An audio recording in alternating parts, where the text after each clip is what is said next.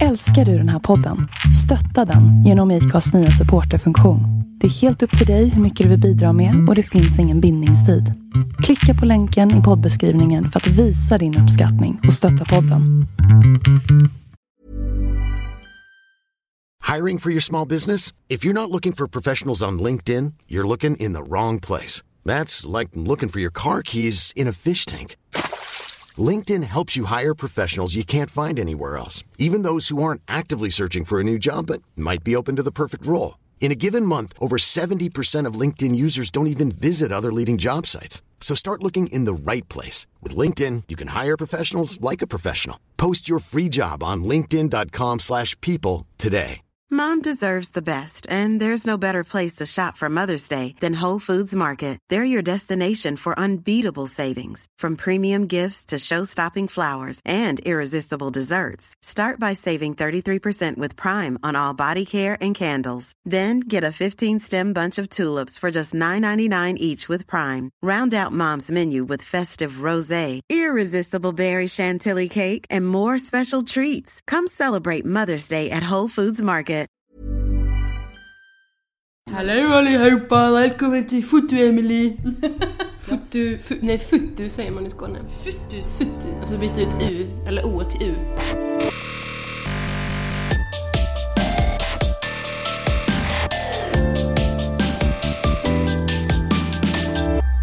Hej och välkommen till Bloggbusiness, en podcast från Better bloggers, Sveriges yrkesnätverk för bloggare och online influencers. Mitt namn är Linda Hörnfeldt och jag är grundare av Better bloggers. Till vardags så bloggar jag på lalinda.se. Nu är det klart! Det blir ett Bibicon i år. Sveriges första konferens för bloggare om just bloggande. Och hur man växer sin blogg större, eh, hur man gör business på den och allting som du behöver veta för att kunna driva din blogg som en business. Det kommer du att få reda på på Bibicon den 28 maj. Save the date. Mer information kommer snart. 28 maj alltså. Idag ska ni få träffa Emily Olsson. Hon började blogga efter att hon varit med i tsunamikatastrofen 2005 där hon förlorade sin syster. Till en början var bloggen en plats att bearbeta sorgen både genom bild och text. Eh, men efter ett tag så tog fotointresset en större plats och 2008 så styrde hon om eh, fokuset till fotoblogg och sin framtida karriär som fotograf. Idag arbetar Emelie som fotograf på heltid och har skapat sig en hel business kring sig själv med workshops och webbkurser och mycket andra innovativa saker som inte alla fotografer eh, slår till på.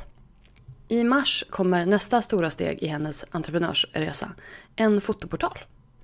Mer om det i min intervju med Emelie Olsson.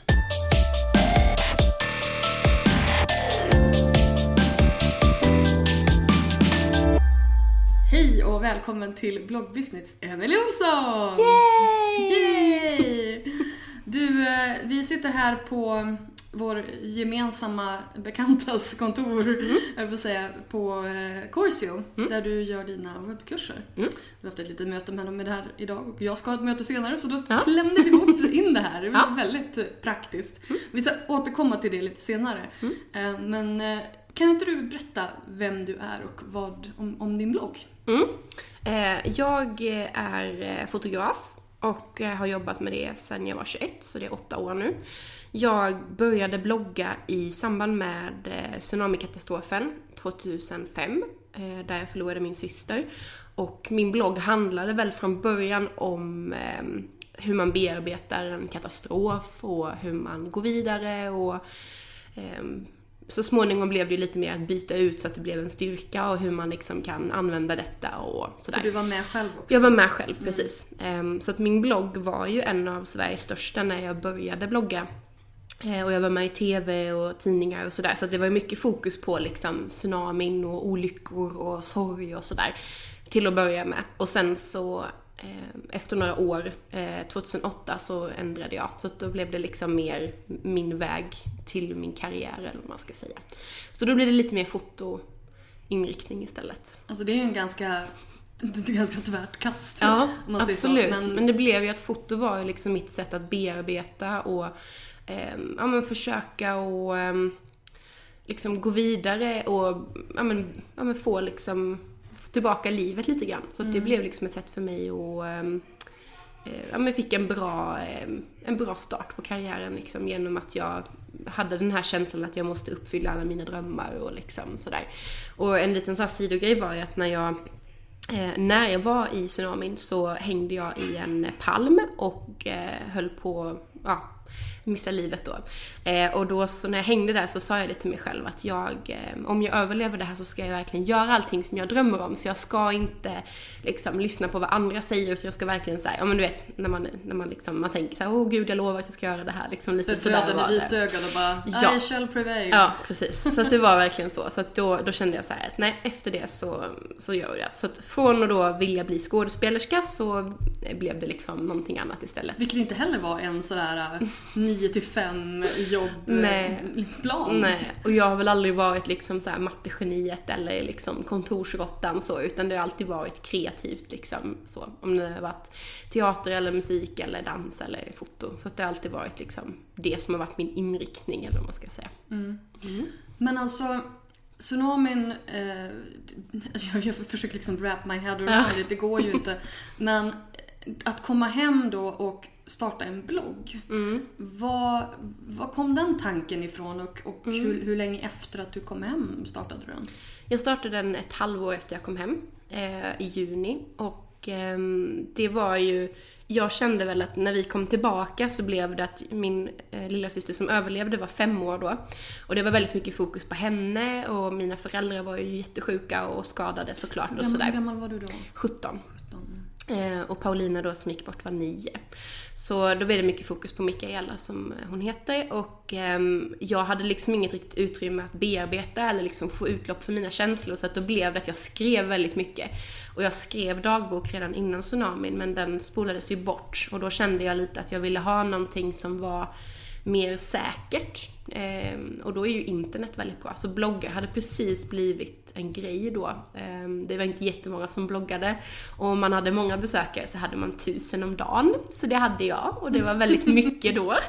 Det hade inte jag. Jag började nej. i maj 2000, Okej. 2005 Ja. på svenska. Ja. Eh, och jag hade inte tusen om Nej, dagen. nej, men det var ju väldigt många som, som läste just, alltså det är ju lite som med olyckor, att svenskar är lite sådär att om det händer en olycka eller det är någon som skriver om något tra- liksom trauma så vill man gärna läsa.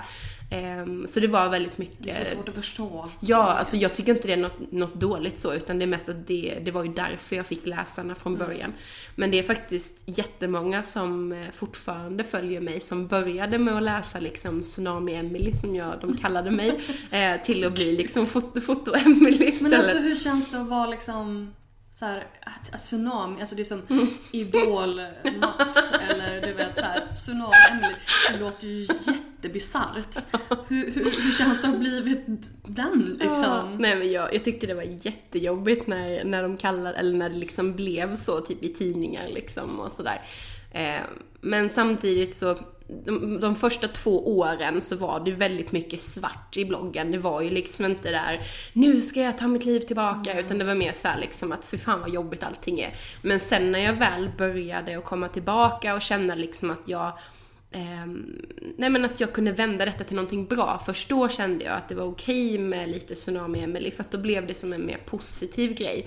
Ehm, men det är, det är svårt det där för folk har, har ibland svårt att förstå det när jag säger att, att ehm, händelsen har stärkt mig. För att även om jag självklart hade gjort allt för att få tillbaka min syster, jag hade ju inte velat liksom byta, så har jag ändå försökt göra det bästa av situationen. Och då är det liksom efter ett tag, man kan ju inte göra detta efter, det tar ju några år liksom.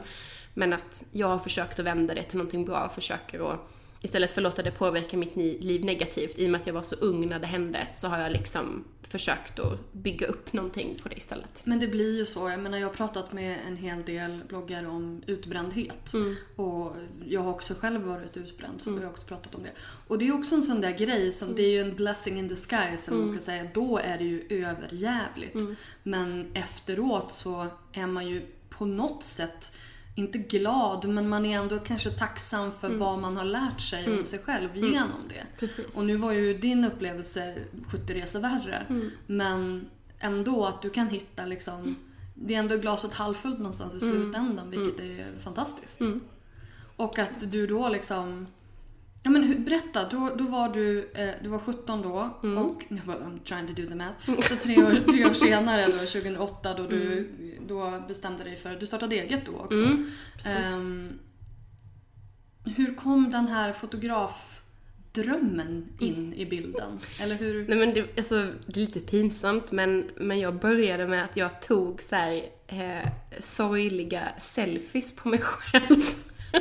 Och det är som de där barnen man, de gråter som man har på väggen. Nej men det var liksom, det var också ett sätt för mig att bearbeta vad jag kände och då blev det de här, jag sitter och tittar ner och ser lite liksom allvarlig och dramatisk ut liksom. Så att jag fotade mig själv ganska mycket då vid den här tiden.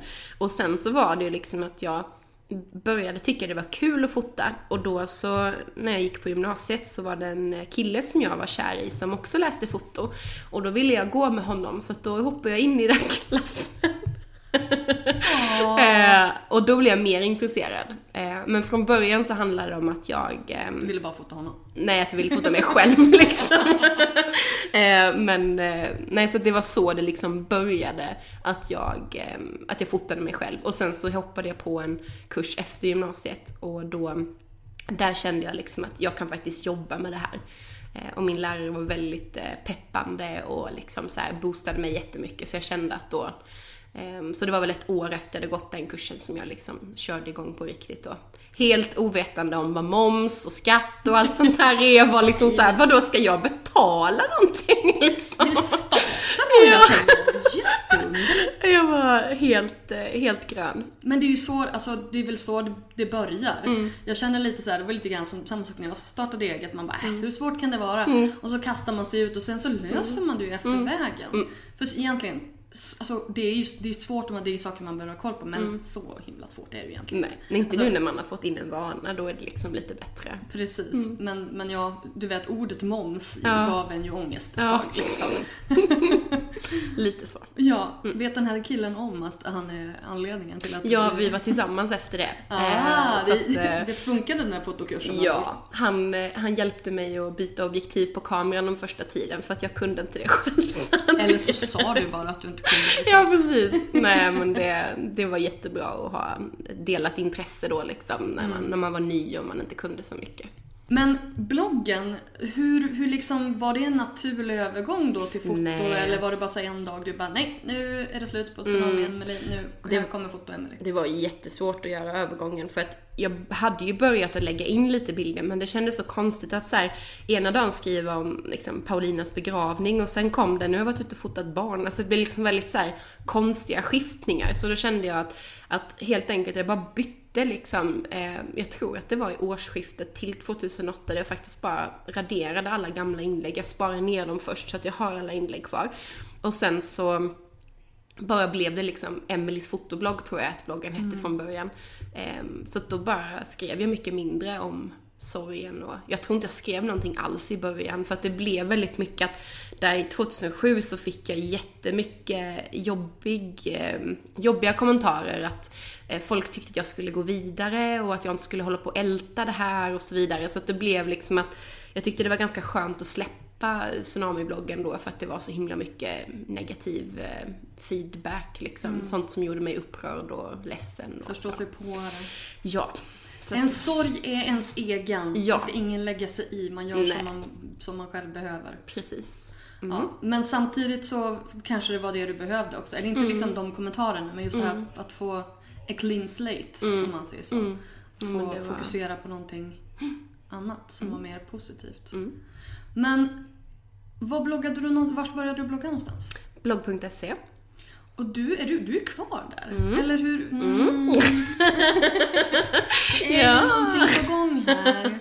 Därför att eh, det är väldigt tyst där på Ja. Mm. emilieolsen.se. Den går inte ens till bloggen utan den går till, till din Min foto. utbildningssida. Ja, precis. Jag har, eh, jag har kvar min blogg eh, på Mm, jag blogg.se. Jag googlade, då, då hittade jag tillbaka till den bloggen. Eh, Men då är det så att jag håller på att bygga upp en ny sida eh, som lanseras första mars.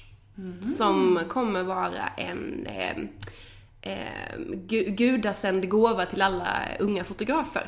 Så kan man väl säga. Lite ödmjukt Alltså, sådär. jag, nej men alltså jag bara, jag känner bara whoop, whoop. Här, här, här, här skrotar vi Jante, det säger jag hela tiden. Ingen Jante, Nej. ingen Jante, utan Nej. ja ja ja. Kör, Det kör kommer, hårt bara. Ja, det var ju så jag gjorde när jag startade min tidning också. Jag bara, ja, det här kommer bli så bra. Och det blev också jättebra, men sen gick det inte så bra. Men, men ambitionen är alltid att liksom... Ja men alltså det, och, och grejen är ju den också, man måste ju ha det, man måste ju gå in Mm. med den tanken att det här kommer bli the best thing ever. För att annars så kommer man inte orka. Nej. För att det kommer ju inte att gå så pass bra som man vill. Nej, precis. Förmodligen, man kommer ju ha motgångar, det är det jag menar. Ja. Nej men så den, ehm, Men den sidan vad, vad håller blir jag det på för med. någonting då? Det Du har ju redan, du har ju då bloggen Mm, och så sen har du Love by Emily som är då... mina fotografier. Ja. Ja men du får, du får själv Ja. ta här. Eh, nej men jag, jag har ju eh, två olika delar egentligen. Den ena är mina utbildningar och den andra är mina fotografier. Eh, och eh, det som kommer nu då är väl en, eh, en variant på utbildningar fast det kommer vara eh, fler inblandade, det kommer vara fler kurser, det kommer vara andra saker än bara utbildningar kopplat till foto. Så det kommer vara eh, som en liten portal kan man väl säga. En, eh, en plattform för foto. Och där kommer min blogg att ligga.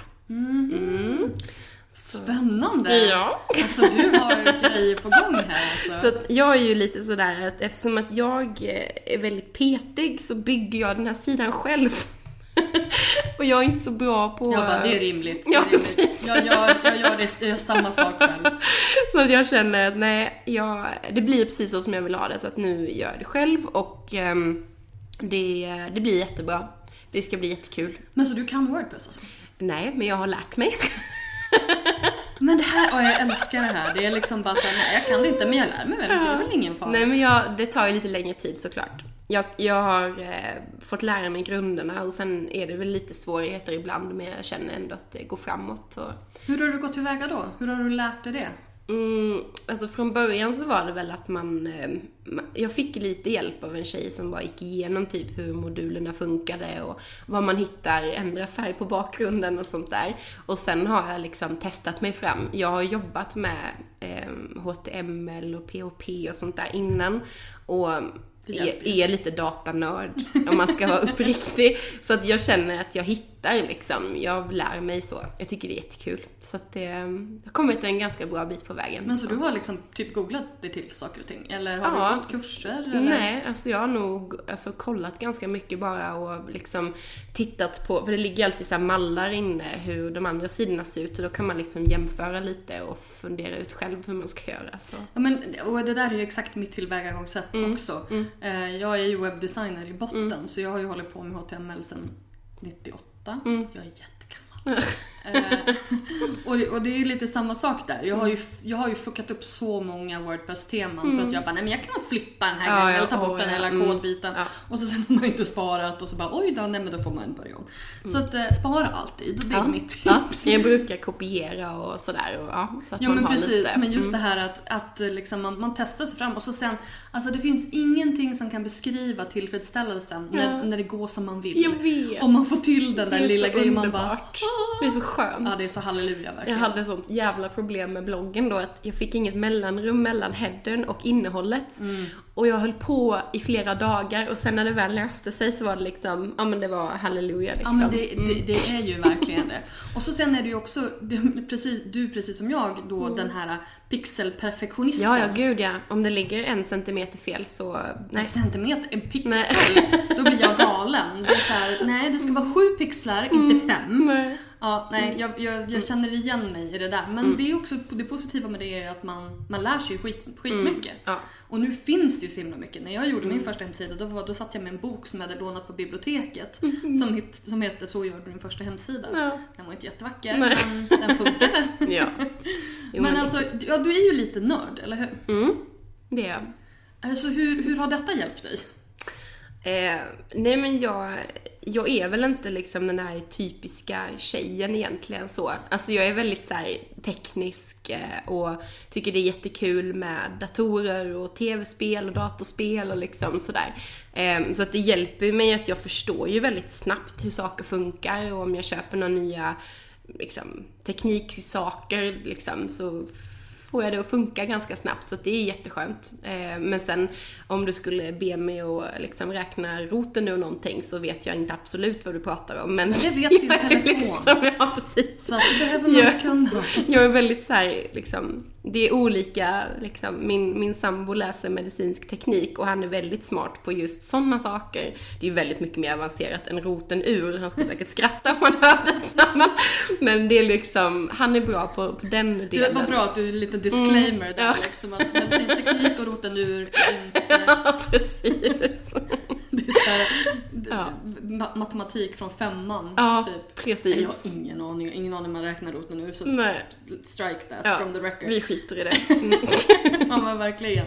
Men alltså, är du liksom sån här gadget-tjej då? När det gäller, ja men när det gäller ditt fotograferande, för jag vet ju själv hur jag är så här, men när det kommer så coola små prylar mm. som kan underlätta det man gör. Jag, jag är inte någon så här prylgalen, är jag nog inte. Men, men jag, jag föredrar att köpa ett objektiv framför en väska alla dagar i veckan mm. liksom. Mm. Så jag tycker det är kul att ha nya grejer och liksom, ja, köpa nya datorer och sådär. Men jag är inte så galen liksom att jag måste ha det senaste utan Nej. Nej men det är roligt. Ja. Det är roligt med Det är väldigt prylarna. kul. Mm. Men vad har du för, eh, vad har du för utrustning då?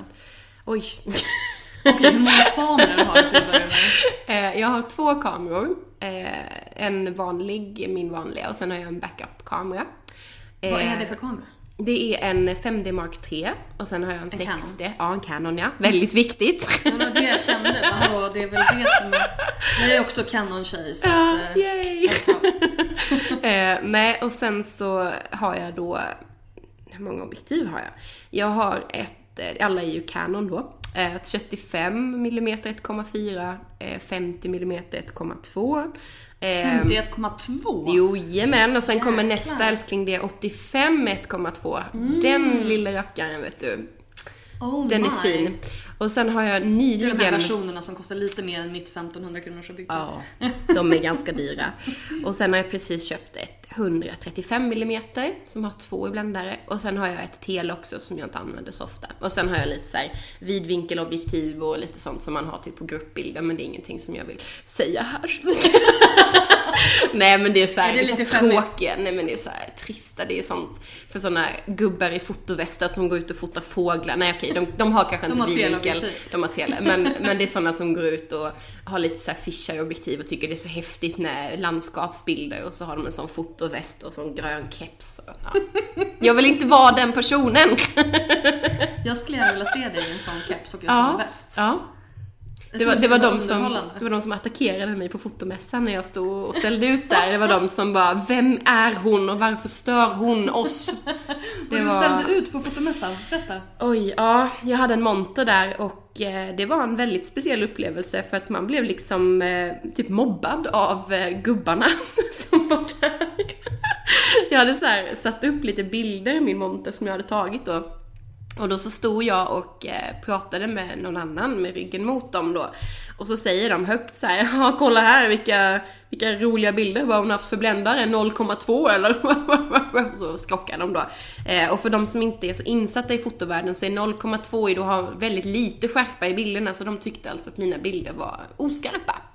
Ehm, och eh, så stod de och gjorde sig roliga över mig, så då vände jag mig om och säger nej det är faktiskt 1,2 på, på de här bilderna. ehm, och de skämdes väldigt mycket, det var väldigt skönt. Så. Bra! Mm. Snyggt! Mm. Att du satte dit dem. Jag pallar inte det där gubbväldet alltså. Wow. Nej, men det, det, är väldigt, eh, det är väl det som jag känner är en, eh, en stor eh, svårighet i mitt arbete att um, fotovärlden är väldigt mansdominerad. Och uh, jag är inte någon så här galen feminist på något sätt, men man blir... Man... Imagine the softest sheets you've ever felt. Now imagine them getting even softer over time. That's what you'll feel with Bowl and Branch's organic cotton sheets. In a recent customer survey, 96% replied that Bowl and Branch sheets get softer with every wash. Start getting your best night's sleep in these sheets that get softer and softer for years to come. Try their sheets with a 30-night guarantee. Plus, get 15% off your first order at bowlandbranch.com. Code BUTTERY. Exclusions apply. See site for details. This Mother's Day, celebrate the extraordinary women in your life with a heartfelt gift from Blue Nile. Whether it's for your mom, a mother figure, or yourself as a mom, find that perfect piece to express your love and appreciation. Explore Blue Nile's exquisite pearls and mesmerizing gemstones that she's sure to love. Enjoy fast shipping options like guaranteed free shipping and returns. Make this Mother's Day unforgettable with a piece from Blue Nile. Right now, get up to 50% off at BlueNile.com. That's BlueNile.com. Millions of people have lost weight with personalized plans from Noom, like Evan, who can't stand salads and still lost 50 pounds. Salads, generally, for most people, are the easy button, right? For me, that wasn't an option. I never really was a salad guy. That's just not who I am. But Noom worked for me. Get your personalized plan today at Noom.com. Real Noom user compensated to provide their story. In four weeks, the typical Noom user can expect to lose one to two pounds per week. Individual results may vary.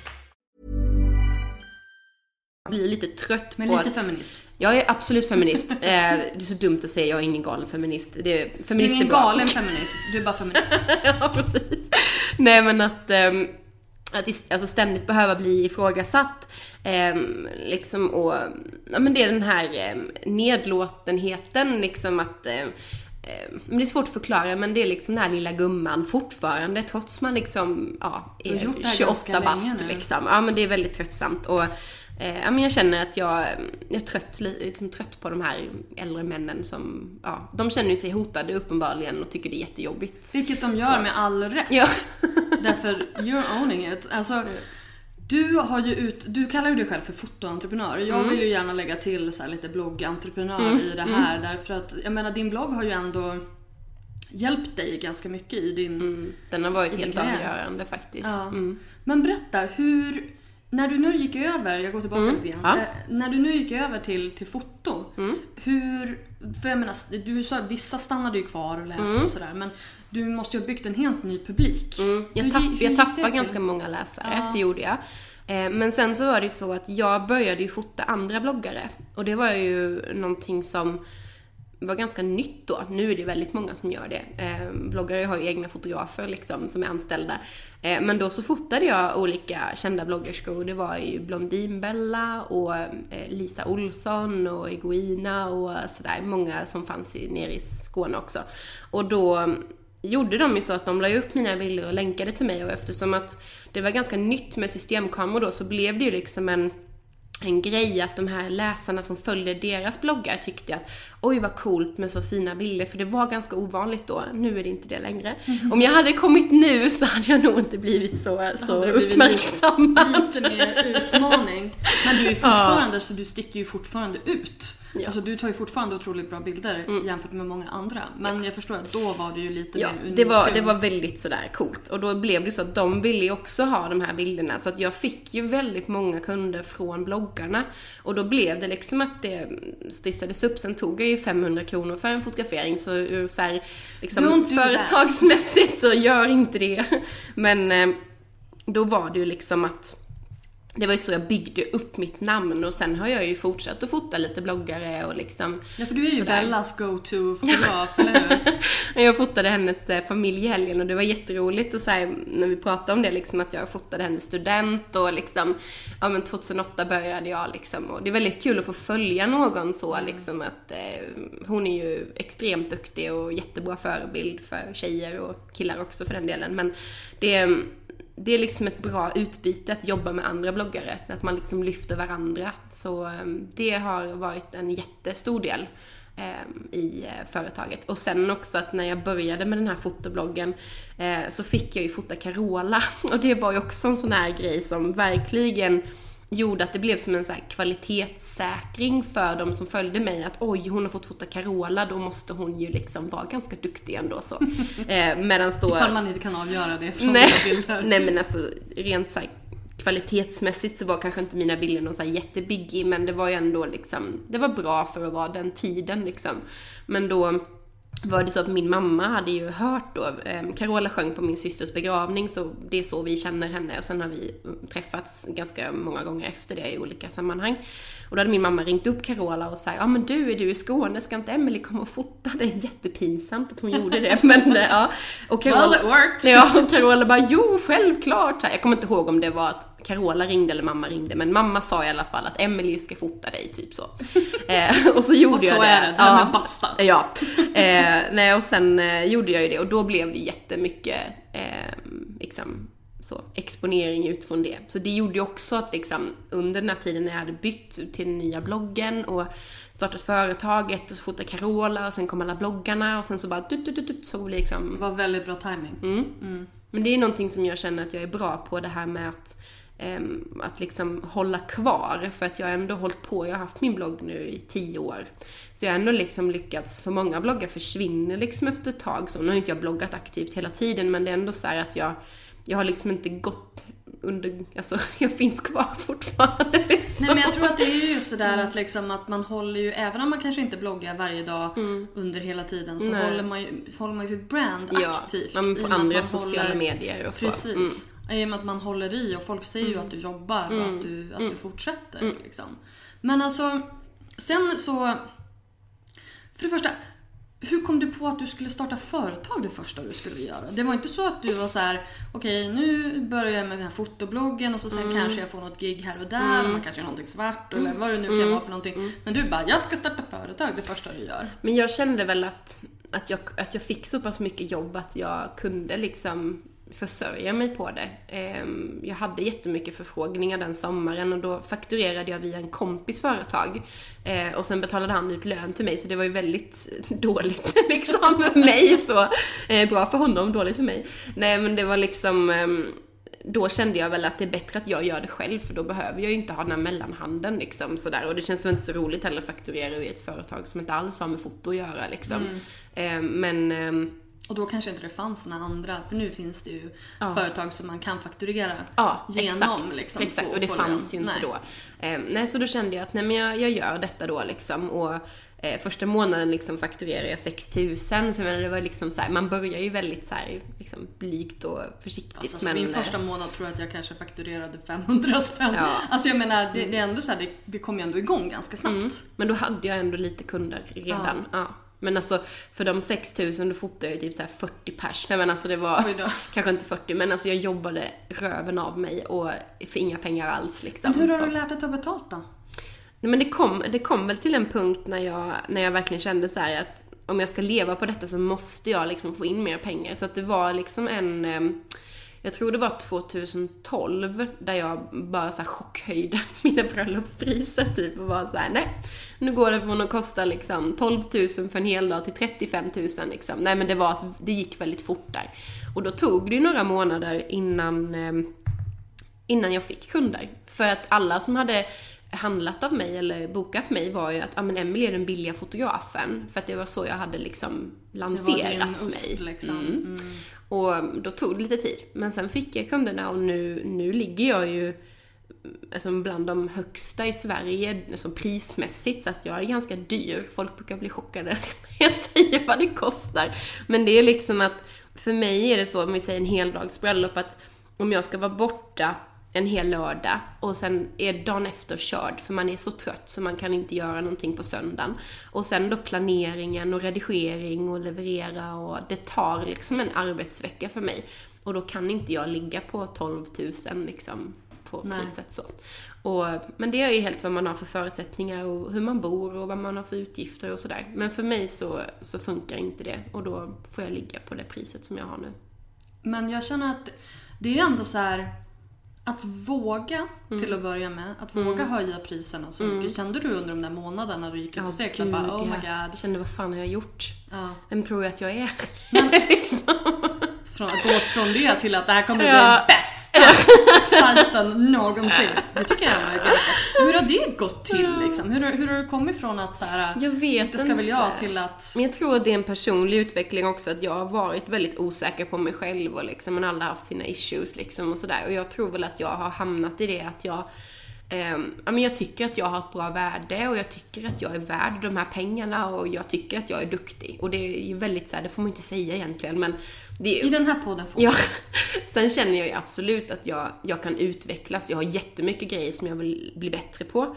Eh, Men jag tycker att jag är duktig, så jag tycker att jag är värd att ta de här pengarna liksom. Och det, det är svårt att säga hur man kommer dit, men jag tror att det handlar mycket om att, liksom bli bekväm med sig själv och känna, känna sig själv och men, eh, ja, men inte vara så himla självkritisk. Det är ju typ det absolut svåraste som finns, att inte vara självkritisk. Men, eh, jag försöker att Istället för att tänka så här, oj vad dum jag var som eh, glömde att sätta på blixten nu på bröllopsdansen så tänker jag, gud vilken bra lärdom, det här ska jag komma ihåg till nästa gång, att inte glömma det liksom. Det här skriver jag upp och lägger i kameraväskan. Mm. Att jag dömer inte mig själv så hårt varje gång utan jag försöker liksom att, men det här är en bra lärdom liksom. Så. Det är väldigt, en väldigt avundsvärd mm.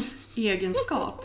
Nej, men, det är inte kunna... alltid, inte varje gång. Nej men det är klart, det är klart. Men ändå att man kan vara lite så här lite schysst mot sig själv mm. och inte vara så himla, du vet, mm. elak att Nej. nu var du klantig liksom. Mm. Utan det är ju från, det låter jätteklyschigt men det är ju från, från misstagen som man lär sig. Gud ja. Om man aldrig skulle Absolut. göra någonting fel så skulle man ju aldrig utvecklas. Nej. För att man vill gärna tro att man lyssnar på andra men det mm. gör man inte. Nej. Man lär sig sina egna misstag. Yep. Jo men jag, alltså, jag har gjort jättemycket misstag och jag tror att det är det som folk uppskattar med mig, att jag är väldigt uppriktig och jag visar mina misstag och jag berättar om mina misstag. Att jag, även om jag har kommit dit att jag tycker att jag är duktig och jag tycker att det, är, liksom det jag gör är bra, så har jag ändå haft en ganska jobbig väg hit. Och mm, det är ju ingenting jag sticker under stolen med, utan det berättar jag gärna om. Ehm, och för jag vill ju att andra ska ja, men få lära sig och kanske undvika några misstag i alla fall. Så det, det har ju varit jättejobbigt liksom. Men det är ju först först nu sen några år tillbaka som jag känner att det börjar liksom, det är mer bra än vad det är dåligt liksom. Men hur orkar man hålla ut? Ja, alltså jag har ju hela tiden, alltså jag har varit så himla envis och känt liksom, ja men det, det är nog lite det här från tsunamin också, att man känner att jag ska inte ge upp liksom, utan det här är min dröm och jag tänker göra detta. Men det har ju varit tillfällen när jag har känt att jag ska lägga ner kameran, jag ska inte fota mer och eh, liksom jag ska ta in, ta något butiksjobb. Nej men jag har varit så, att det har känts så ibland. Men då har jag helt enkelt bara pausat jobbet en vecka eller hur långt det nu behövs och bara gör någonting annat. Det är jättejobbigt men då kommer det oftast tillbaka liksom att man känner att nej men det här är det jag ska göra. Men liksom egna företagarlivet passar ju inte alla. Ehm, det är osäkert, man vet inte hur nästa månad ser ut och det är liksom, ja, det finns både för och nackdelar. Men, ehm, Jag tycker att det där är jätte, jättebra tips. Just mm. det här att om det inte funkar, om mm. man känner att man bara står och liksom mm. stångar huvudet i väggen. Och det är mm. oavsett om det är fota eller om man har skrivkramp eller mm. kreativiteten bara mm. laggar av. Ta en paus. Försök inte att du vet, trycka trycka ut det ur dig. det är liksom försöka liksom vrida ja. en trasa som en mm. torr. Det funkar inte. Då behöver man ta en paus mm. och insupa ny inspiration. Mm. Åka iväg någonstans, åka till några kompisar eller ja. någonstans. Alltså bara För att få, få ny energi. Mm. Hur man nu gör det. Um, så det tycker jag är ett jättebra, ett mm. jättebra tips. För att det funkar ju inte när man försöker göra så. Um, Nej, absolut vet, inte. det vet jag själv också. Man ja. sitter där och bara mm. Kom igen nu då, ut med ja. dig, ut med mm. dig kreativiteten. Men det går inte. Ja, men jag, alltså jag, senast nu i söndags när jag skulle åka hem, när jag varit här och jobbat hela dagen och varit jätteintensivt så skulle jag redigera bilder och jag kände verkligen att det tog emot och jag vill verkligen, jag orkar inte. Så då bara satte jag på liksom ett vänneravsnitt istället och bara, jag tittar, alltså gör inte det. Om, det. om det tar emot så mycket så gör jag inte det. För då Nej. vet jag att jag orkar inte och, och gör man det ändå, då blir det den där negativa känslan för det. Och det, är det, det vill man, man, exakt, mm. exakt den där. Det där är en mm. jättebra grej. Mm. Just det här att om man gör någonting när det inte känns bra mm. och det känns jobbigt, då kommer man, den här känslan, ja. känslominnet, mm. man kommer att associera ja. Precis. någonting dåligt mm. till det. Så det, och det är också en jätteviktig grej mm. att komma ihåg. Du har väldigt bra självinsikt. Mm. men alltså, verkligen. Jag analyserar mig själv mycket och vad jag gör och beteenden och sådär och försöker att liksom förbättra och göra bättre ifrån mig liksom. Eh, men jag, folk brukar säga det bara, oh men gud du jobbar så mycket och du har så mycket att göra så här. Och ja, absolut, jobbar mycket men alltså jag jobbar inte mer än andra vanliga människor. Utan jag effektiviserar min tid så att jag har liksom en timme när jag gör detta, en timme när jag gör detta och sen är jag väldigt noga med då min egen tid. Som ikväll, jag ska på min träning, jag vill komma hem till den för att det är viktigt. Alltså så att jag liksom, jag jobbar mycket men jag måste ha mina pauser och jag måste dela upp tiden. Så att jag jobbar ju inte dygnet runt alls. Alltså sen är man ju alltid mer tillgänglig som egen företagare än annars. Men Då får man sovmorgnar också. ja, precis. Nej men jag, jag tycker inte att jag jobbar jättemycket om jag ska vara ärlig. Jag tycker att det är ganska Nej, lagom. men det är ju liksom, det ser ut så för att man jobbar helger och man kanske jobbar kvällar ibland och sådär. Men då, då, då visar man kanske inte upp den där sovmorgon heller. Ja, nej, nej men jag, jag trivs jättebra med min arbetstid liksom. Jag tycker det. Men alltså sen så har du, du har ju utvecklat din verksamhet eh, på det här entreprenör, entreprenöriella Ja. sättet som jag pratar om. Just det här att, man, att du, du fo- fotoentreprenör, bloggentreprenör. Eh, att du har börjat utöka dina tjänster. Nu är det ju inte bara så här att du fotar bröllop eller par eller så utan nu kan ju folk komma till dig och lära sig bli fotografer. Berätta. Eh, nej men det var väl 2010 som jag började, eller 2009, där jag började liksom erbjuda privata kurser. Och det var för att jag fick så sjukt mycket frågor om liksom, hur ställer man in kameran, hur fotar man par eller barn eller bröllop eller vad det nu kan vara. Och även om inte jag hade någon jättestor erfarenhet så kände jag att det här måste, det här måste jag ju erbjuda för att det är så många som behöver hjälp. Och jag visste ju själv hur svårt det var att hitta en bra fotokurs för den här på gymnasiet var ju jättedålig till exempel och då kände jag att jag ville göra en bra, rolig och liksom lättsam fotokurs så att jag började ju med privatkurser och då var det ju jättemånga, jag tror jag hade 20 i veckan eller någonting. Det var så Oj. sjukt. Ja. Ehm, Och då är det one-on-one alltså. Ja. Och sen började inte jag med gruppkurser, alltså workshops som jag har nu, började inte jag med förrän 2013. Så det var nästan bara privatkurser däremellan. Det var jättemycket privatkurser. Ehm, Det var nog största delen av min omsättning tror jag då faktiskt. Det var jättemycket um, kursverksamhet. Men ehm, sen så började jag med gruppkurser och första året var det väl lite segt. Det var liksom lite så här, vi är ute och fotar och lär oss var man ska vara någonstans. Men sen då, eh, 2014 så eh, anordnade jag workshops till eh, Santorini och Island och eh, hade bröllopsworkshops. Eh, och sen förra året så hade jag 16 workshops så då var jag också utomlands eh, och, och hade workshops. Och det, var, det är ju någonting som jag tycker är jätteroligt och det är väldigt ehm, Det är så drömmigt. Ja, Alltså det är för, väldigt för, kurs, ja. Mm. för kursdeltagarna. Alltså locations man får jobba med, det är ju helt... Ja, det jag har ju är sett bilderna kul. Mm. från när ni har varit på de här kurserna. Men alltså hur kommer man på att man ska åka till Santorini eller Island på en kurs? Och hur... How do you pull it off liksom? Ja, alltså, för mig var det väl bara att det är så himla vackra ställen eh, och jag vill fota där. Jag vill ge det till mina elever också liksom. Men sen är det ju extremt mycket planering. Vi pratar liksom typ 70-80 timmar eh, som hela kalaset kan ta liksom. Men eh, det är mycket som ska klaffa. Man ska boka in grejer, man ska ha resegaranti och man måste liksom ehm, man måste ha ett kapital så att man kan ligga ute med massa pengar och liksom en Islandsresa kan ju kostnaderna gå på över 100 000. Det är liksom, det är väldigt mycket att hålla koll på. Men jag tycker det är väldigt kul och jag har liksom gått från att ha ha lite hjälp till att inte vilja ha det för att jag är så himla så här detaljinriktad. Det är min största svaghet. Eh, Det är inte bara så att jag är bra på allt utan jag är väldigt eh, dålig på att hitta andra som kan hjälpa mig. Mm. Delegera. Delegera, precis. så att det, det är min stora svaghet. Men jag tycker om att göra saker själv för att jag är väldigt noggrann och sådär. Man har ju inte mer tid än man har. Nej, jag vet. Nej men eh, en av mina, ett av mina mål detta året är att jag ska ta in någon som ska jobba. Ehm, och jag ska lära upp den personen så att det blir liksom 100% så som jag vill ha det. Eller att jag ska släppa lite på, på mina... Bara försöka klona dig själv. ja, nej men eh, det är väldigt kul eh, att hålla kurser. Eh, detta året så kommer jag att jobba lite mindre med workshops och lite mer med mina egna fotograferingar. Ehm, för att jag, det blev lite mycket förra året med 16 stycken. Så detta året blir det sju istället. Men sen har du ju webbkurserna. Alltså Mm. det här är ju någonting som är... Det, det är väldigt mycket i USA. Alltså Mm. där är man duktig på att... ehm, Alltså just det här att använda sin expertis som bloggare. Mm. Att ehm, tjäna passiv inkomst, Mm. vilket det här nu är.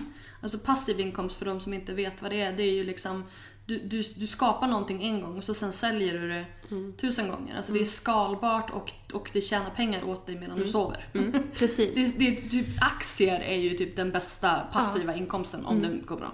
Eh, Men, eh, så det är passiv inkomst. Det är, Mm. Ett exempel är ju, är ju då, alltså böcker är också en, Mm. en passiv inkomst. Men berätta. Jag började med webbkurser 2010. Oj! Ja, så jag har haft det i sex år snart. Shit, det hade jag ingen aning Jag fick om. precis veta av eh, Renata här på Corsio att jag har sålt 10 000 kurser.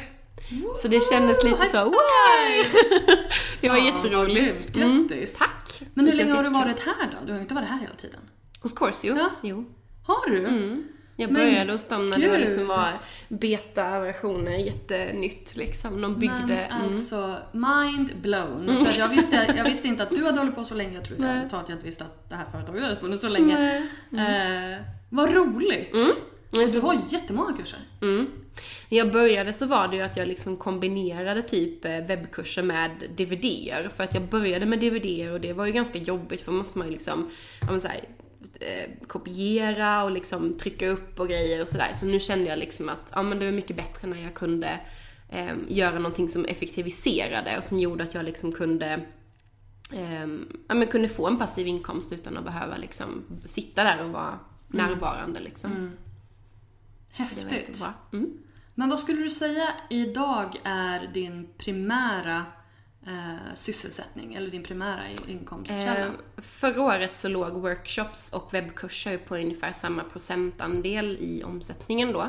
Ehm, så det, det är väl webbkurser egentligen, alltså om man tänker sett till utgifter och sådär, så är det de som är min liksom, största inkomstkälla. Sen låg fotograferingarna strax därefter då. Mm. Så webbkursen är en ganska stor del. Men det är ju jättehäftigt. Vad, vad kommer härnäst då? Bok? Ja, nej, jag känner bok eh, väntar jag lite med faktiskt. Jag är inte jättesugen på det. Men det är ju det här nya projektet nu. Och sen så ehm, kommer jag jobba med mina egna fotograferingar och resa och ha utlandsbröllop och sådär. Så att det är det som jag liksom kommer satsa på. Skala ner lite grann och inte ha alla grejer. För att jag, jag har varit lite sån att jag ska göra allt. Men nu känner jag liksom att jag vill ehm, Ja, men det, och det är det här som är så himla bra också att nu när du har ja, men som, som en sån grej som, som webbkursen Mm. och som, som går som tåget av sig själv. Då kan du ju prioritera det som kanske liksom är, ger mindre pengar men som är, ger dig mer energi. mm, precis. Och det är det som är så bra med just, just den här typen av, av inkomster. Mm. Innan vi avslutar, tre tips till eh, bloggare som vill göra business på sin blogg. Eh, försök att skilja på privat och företag så att du liksom stänger av jobbet när du är, om det är helg eller så och liksom verkligen försöka att liksom dela upp det. Eh, hitta rätt målgrupp, nischa dig. Eh, ta inte alla liksom. Alltså så, för att ä, ofta är det ju så att man liksom, man vill rikta sig till alla. Men jag tycker det är bra att nischa sig. Ehm, den tredje för bloggbusiness, eh, bra bilder tycker jag. Om man ska vara en bra bloggare så måste man kunna ta bra bilder tycker jag. Så investera i och lära dig din kamera och ha en bra kamera som klarar många olika situationer. Och kanske ta en fotokurs. Kanske en fotokurs också. Tack snälla Emily Tack. för att du var med i Tack, är jätteroligt. Du har precis hört ett avsnitt av Bloggbusiness, en podcast från Better bloggers. Podcasten hittar du såklart på iTunes och på bloggbusiness.se. Vi finns även på Facebook, på Twitter och på Instagram, at betterbloggers. Lämna gärna en kommentar med vad du tyckte om intervjun eller kanske lämna ett önskemål om en framtida gäst. Tack för att du har lyssnat. Ha det bra. Hej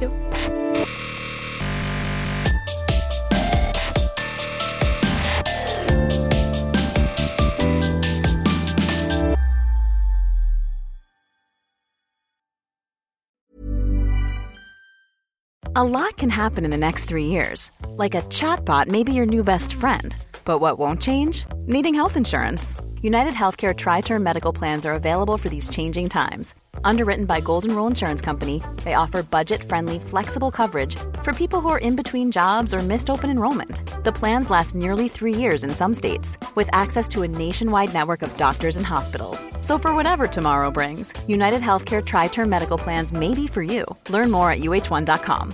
Imagine the softest sheets you've ever felt. Now imagine them getting even softer over time. That's what you'll feel with Bowl and Branch's organic cotton sheets. In a recent customer survey, 96% replied that Bowl and Branch sheets get softer with every wash. Start getting your best night's sleep in these sheets that get softer and softer for years to come. Try their sheets with a 30-night guarantee. Plus, get 15% off your first order at bowlandbranch.com. Code BUTTERY. Exclusions apply. See site for details.